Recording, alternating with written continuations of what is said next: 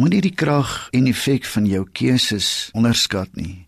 In Deuteronomium 30 vers 19 verklaar die Here die volgende: Hy sê: Ek neem vandag die hemel en die aarde as getuies teen julle, die lewe en die dood, die seën en die vloek het ek jou voorgehou.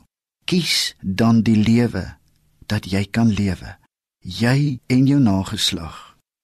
Alles besluitneming soms bitter moeilik. Moet ons seker maak dat ons besluite deur deeglike besinning vooraf gegaan word. Moeilike besluite kan 'n mens moeg en uitgeput en siek maak. Daarom moet ek en jy leer om verder te kyk en in gedagte hou dat die effek, ja, die resultate van ons besluite nog groter implikasies vir ons gaan inhou. Het sy positief of negatief? Wat kan ek en jy gerus weet voordat ons moeilike besluite moet neem? Eerstens, ons wees nie oorhaastig nie. As jy twyfel, wag nog 'n ruk. Na 'n ruk kan jy 'n beter, vollediger besluit neem. Tweedens, Kom ons maak van dit regtig ernstige gebedssaak. Ja, kom ons gaan wag met ander woorde op die Here se leiding.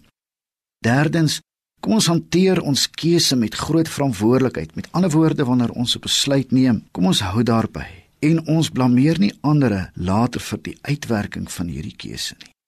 Dan laastens, berei voor dat wat jy ook al kies, gevolge gaan hê. Ek het myself 'n dag afgevra, ek moet leer om te kies Maak die besluite wat ek neem my beter vir slegter mens? Maak dit my gesond of laat dit meer kwelling los? Toe ek hierdie besluit neem dat ek beter besluite moes neem, te besef ek, daar sal in die proses partykeer goeters wees wat 'n mens nie kan verstaan nie.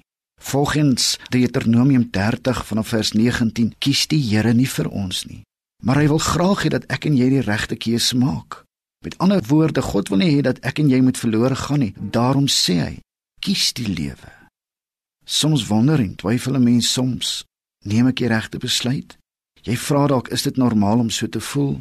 Regte keuse laat jou dalk nie noodwendig dadelik goed voel nie, want die ingewikkeldheid daarvan het die keuse dalk bemoeilik. Maar diep in jou wese sal jy tog weet een of ander tyd of jy die regte besluit geneem het. Ek hoop vandag dat jy saam met my die erns van hierdie saak, ja, die krag van ons keuses nie sal onderskat nie.